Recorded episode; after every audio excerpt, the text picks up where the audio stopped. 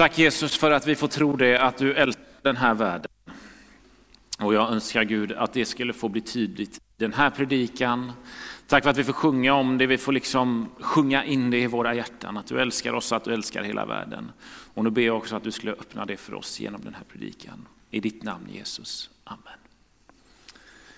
För två veckor sedan så började vi alltså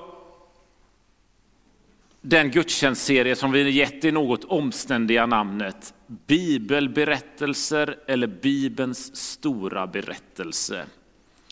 Och vi har valt att göra den här satsningen för vi tror att många, nästan alla, kan eller känner till olika bibelberättelser oavsett om man kallar sig kristen eller inte.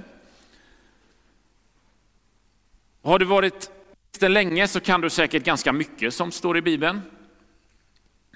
Är du ännu inte kristen eller kanske alldeles nykristen så kanske man ändå känner till någon berättelse. Det kan vara berättelsen om David och Goliat eller när Jesus går på vattnet eller någon annan.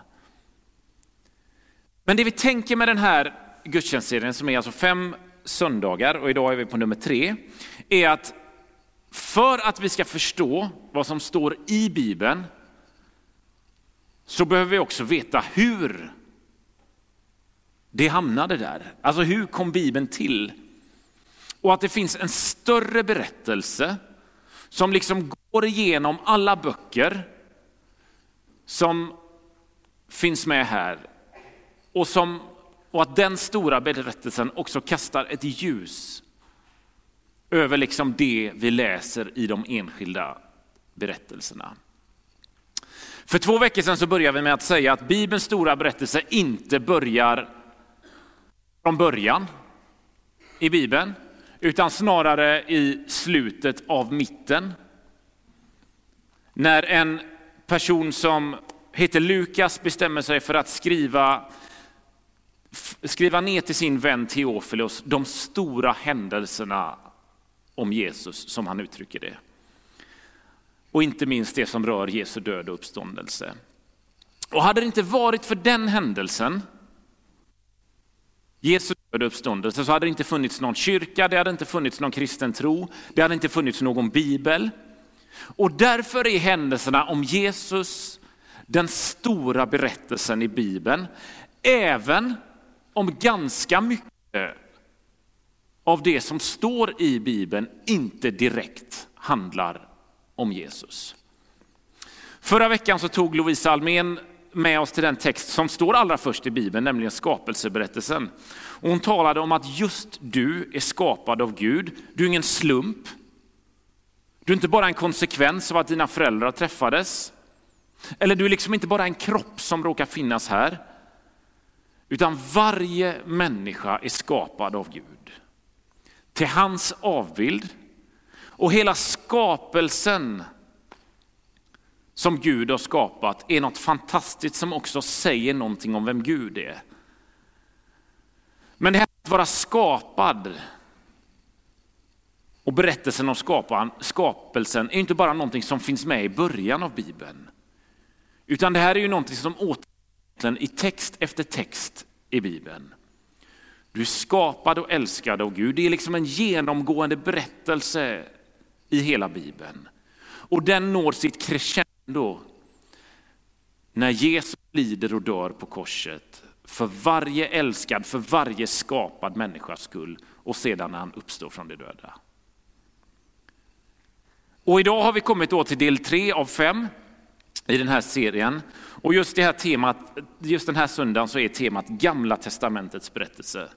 Så jag tycker själv det låter lite hybris, men på 25-20 minuter ska jag försöka återberätta Gamla Testamentet. Nu ska jag också byta mick här sägs det.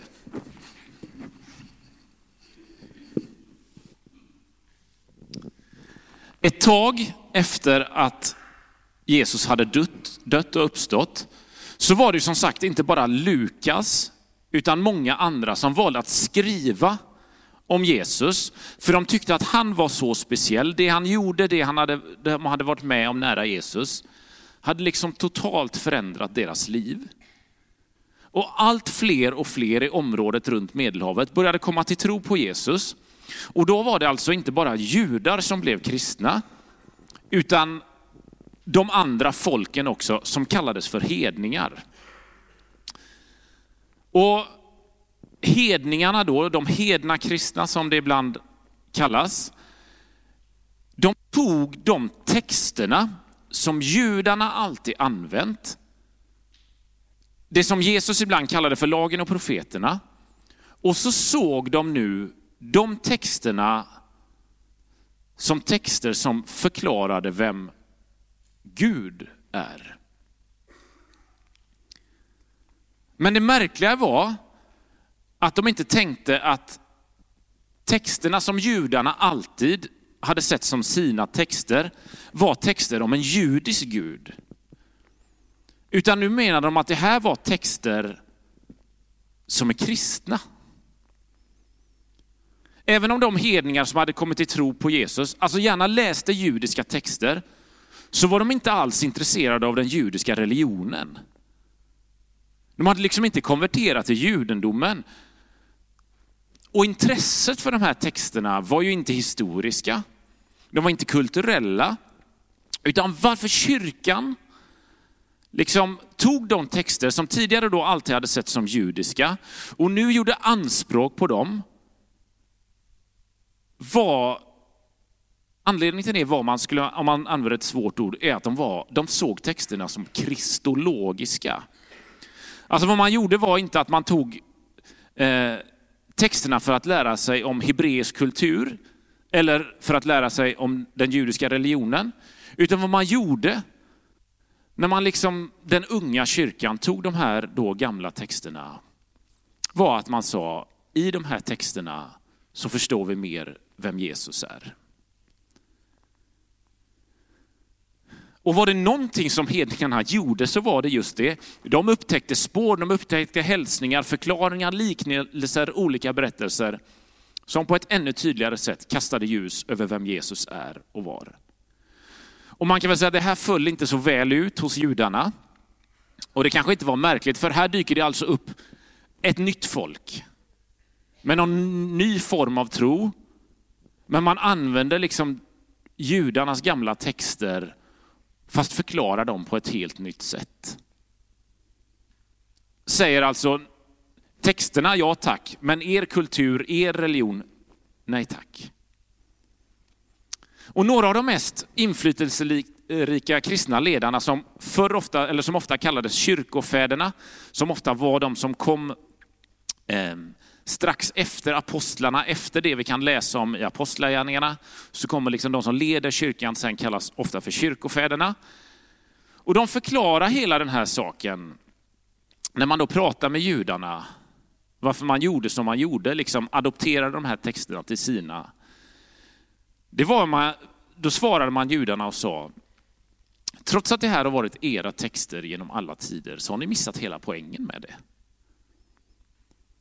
Alltså ni har ju missat allt det som era profeter förutspådde skulle hända. Det är kristna texter detta, sa man. Ja, vi vill ha era texter, men inte er tolkning. För ni har missat det viktigaste av allt, nämligen att Jesus från Nasaret är den Messias som ni alltid väntat på. Men vad som hände mitt i detta, är allt detta, och så är det nog även för en del av oss som kanske inte läser gamla testamentet så mycket, var att i alla fall en del av den unga kyrka som fanns då, råkade glömma bort eller faktiskt ignorerade den fantastiska, den modiga berättelse, unika berättelse om det judiska eller hebreiska folket som då gamla, vårt gamla testamente, det som då kallades lagen och profeterna, verkligen är. För är det något det är så är det just en fantastisk berättelse som berättar om hur Gud verkar och agerar i historien. Och förra veckan när Lovisa Almén predikade så sa hon ju att den första rollen Gud tar i Bibeln, det är ju att han är en skapare. Och egentligen så lämnar Gud aldrig den rollen. Men efter inte så många kapitel i första Moseboken så kliver Gud in i en annan roll. Nämligen att han blir en grundare. Eller kanske en instiftare. Och vad han grundar eller vad han instiftar är ett land. Och det var den bibeltexten Rune läste i början. Eller kanske ännu snarare, ett folk grundar han. Och syftet med det är att ge försoning till världen som då föll i syndafallet när, Gud vände, när människor vände Gud ryggen. Och då, om man gör en lång och fantastisk historia kort, så börjar Gud med Abraham, eller Abraham som han hette först, som Rune läste om. Och genom honom så låter Gud ett folk växa fram. Och syft, syftet med det var att folket skulle bli stort. Bestå av olika generationer, människor från hela världen. Och efter ett tag så blir det här folket tillfångatagna och flyttade till Egypten. Alltså supermakten Egypten lägger liksom beslag på folket och gör dem till sina slavar. Och så efter ett tag så skickar Gud en person som ska leda folket ur Egypten, nämligen Mose. Han blir då folkets ledare. Och Mose han för talan för folket inför farao, Egyptens ledare. Och så talar Mose och Guds vägnar och så säger han, släpp mitt folk fria, låt dem gå härifrån, låt dem få lämna Egypten. Och efter mycket om och men så får folket lämna Egypten och vänder hem mot det land som kallades Israel eller Kanans land. På vägen hemåt så hamnar de vid berget Sinai och där händer någonting viktigt. Gud säger till folket, jag ska vara er Gud, ni ska vara mitt folk och ni kommer vara annorlunda jämfört med alla andra folk runt er. För jag har en särskild uppgift just för er. För genom er, ni som är mitt folk, så ska ni och vi och jag, säger Gud, välsigna den här världen.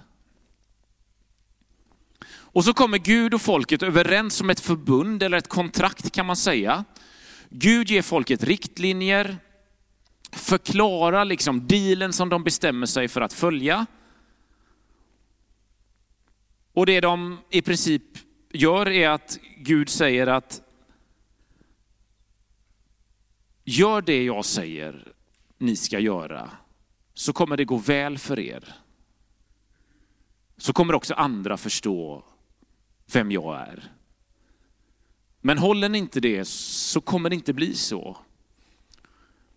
Men samtidigt så säger han, oavsett vad som händer, oavsett om ni skulle missa vår överenskommelse, så kommer ni inte sluta vara mitt folk.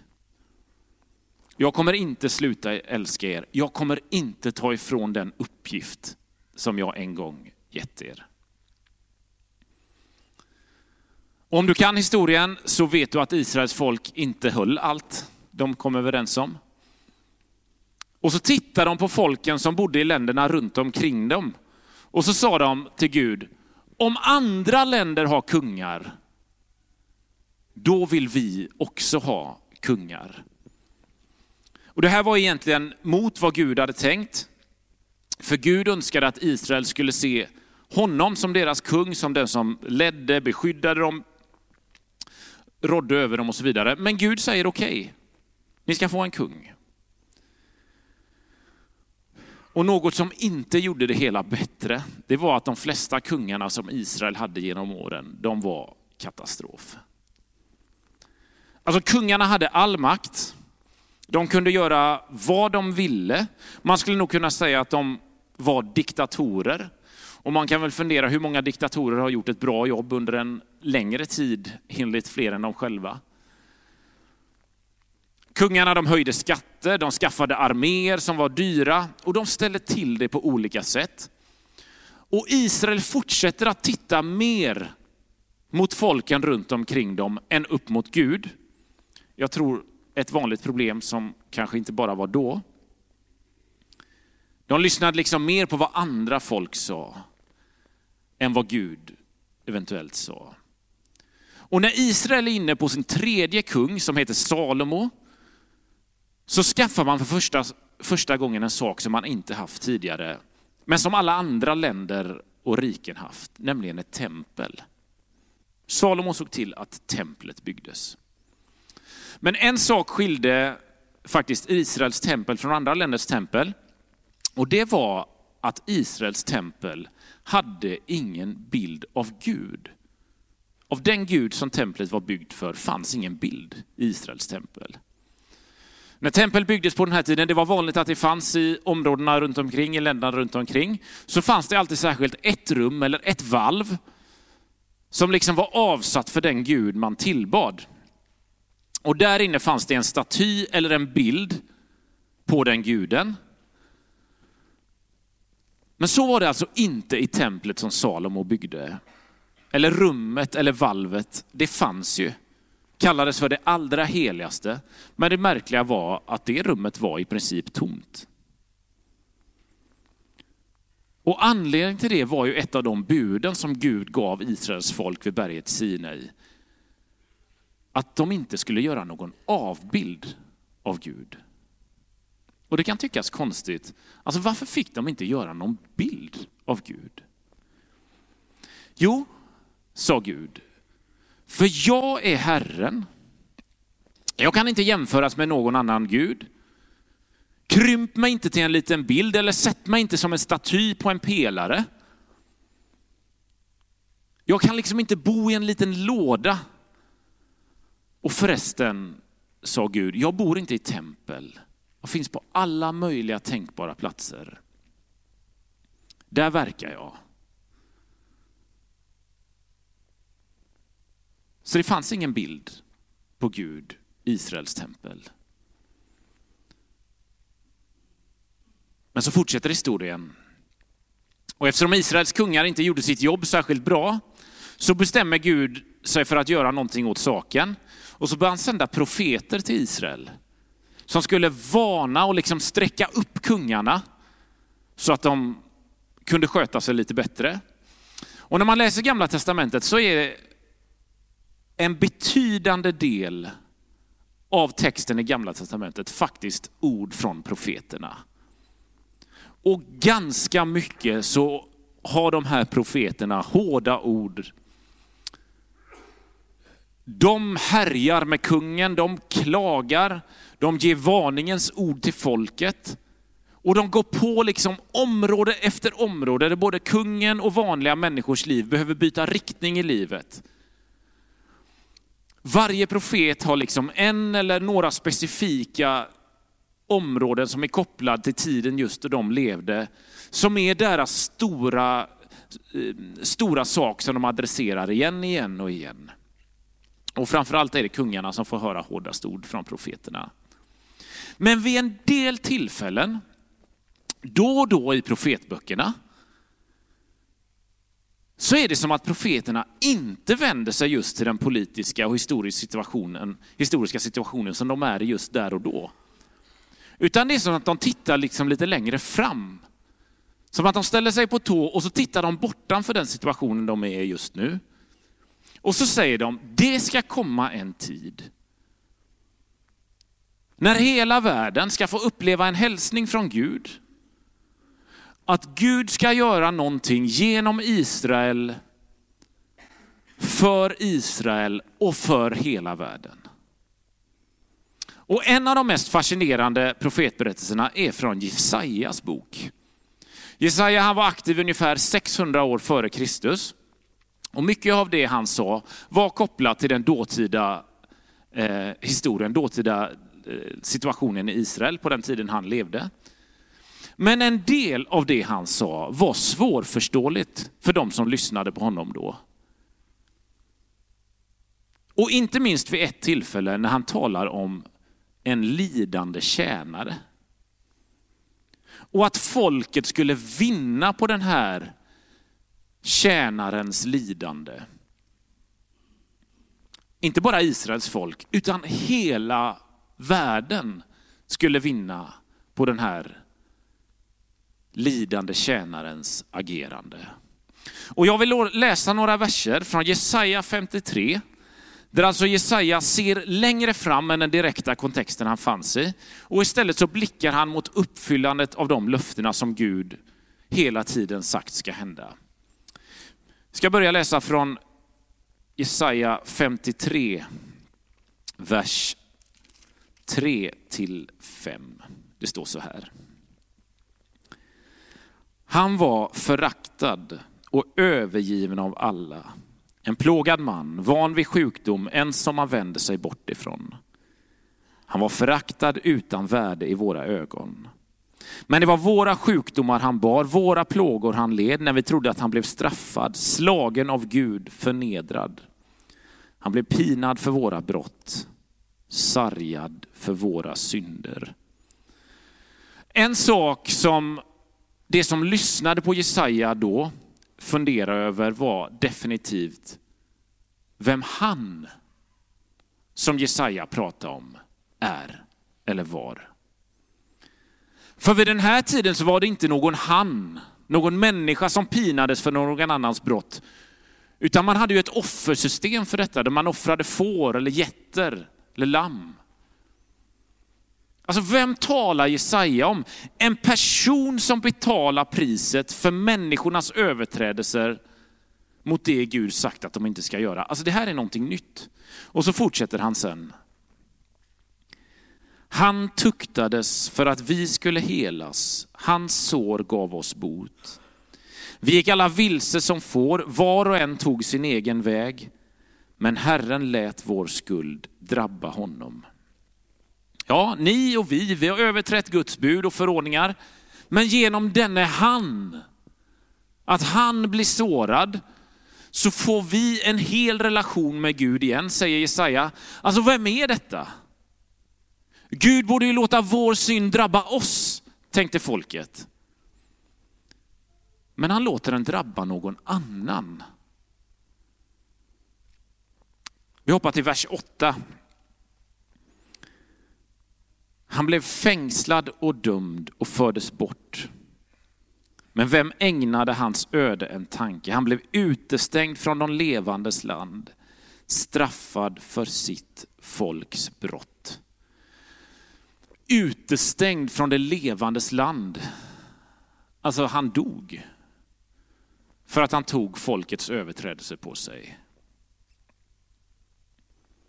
Så går vi till vers 11. När hans elände är över ska han se ljuset och bli mättad av insikt. Min tjänare, den rättfärdige, ger rättfärdighet åt många och bär deras skull. Han ska se ljuset igen. Alltså det låter som att han ska bli levande igen. Och han ger rättfärdighet till många genom att han bär deras synder. Hör här. Vårt gamla testamente är en gammal berättelse om ett folk som kämpade för att överleva i den här världen. I en tid när det fanns dåligt med mat, det var fiender överallt. Döden var liksom bara en liten sjukdom bort. Men trots det så är det liksom som att folket klamrar sig fast vid Gud och han klamrar sig fast vid sitt folk utan att köra över deras fria vilja. Alltså hela den här historien är fantastisk. Och det är en historia med ett gudomligt syfte i sig. För det vi kan läsa i gamla testamentet är historia. Med dig och mig i tanken. Med oss i tanken. Med den här världen i tanken. Hela berättelsen i gamla testamentet är utifrån ett syfte. Ett syfte som började med att Abraham skulle låta andra bli välsignade och som uppfylls 2200 år senare när en snickare upptäcker att hans fästmö är gravid. Och sakta men säkert så börjar profetia efter profetia som Jesaja och andra profeter hade uttalat börjar uppfyllas. De här orden använder Paulus när han beskriver hela situationen. Vi går till Galaterbrevet 4, vers 4 5. Men när tiden var inne sände Gud sin son, född av en kvinna och född att stå under lagen, för att han skulle friköpa dem som står under lagen och vi få söners rätt. När tiden var inne, det tycker jag är ett härligt uttryck. Alltså när Gud hade liksom lagt historien så som han hade tänkt sig. När han äntligen hade fått allt och alla på precis den platsen han ville, när allt var så som Gud hade planerat. Då, när tiden var inne, efter att Abraham hade blivit en familj, familjen hade blivit ett folk, folket blivit ett rike och så vidare. Då sänder Gud sin son, född av kvinna, född att stå under lagen, för att han skulle friköpa dem som står under lagen och få söners rätt. Alltså helt enkelt då, när allting hade lagts på plats, när Gud hade fått det exakt dit han tänkte, när tiden var inne, då skickar Gud hit sin son Jesus så att vi igen skulle få veta ja men vi är skapade av Gud. Vi är skapade till Guds avbild för att få leva med Gud som vår kärleksfulla, som vår omsorgsfulla far.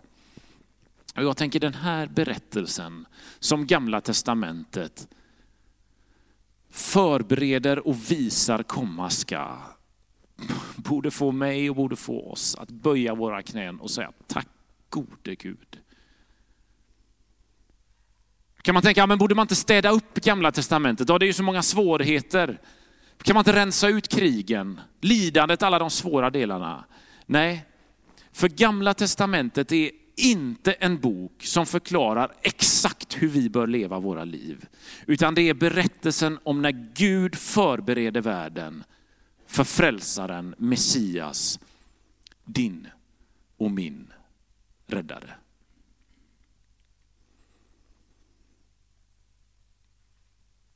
När man är inne på andra århundradet, alltså efter år 100 efter Kristus, så fanns det fortfarande ingen bibel.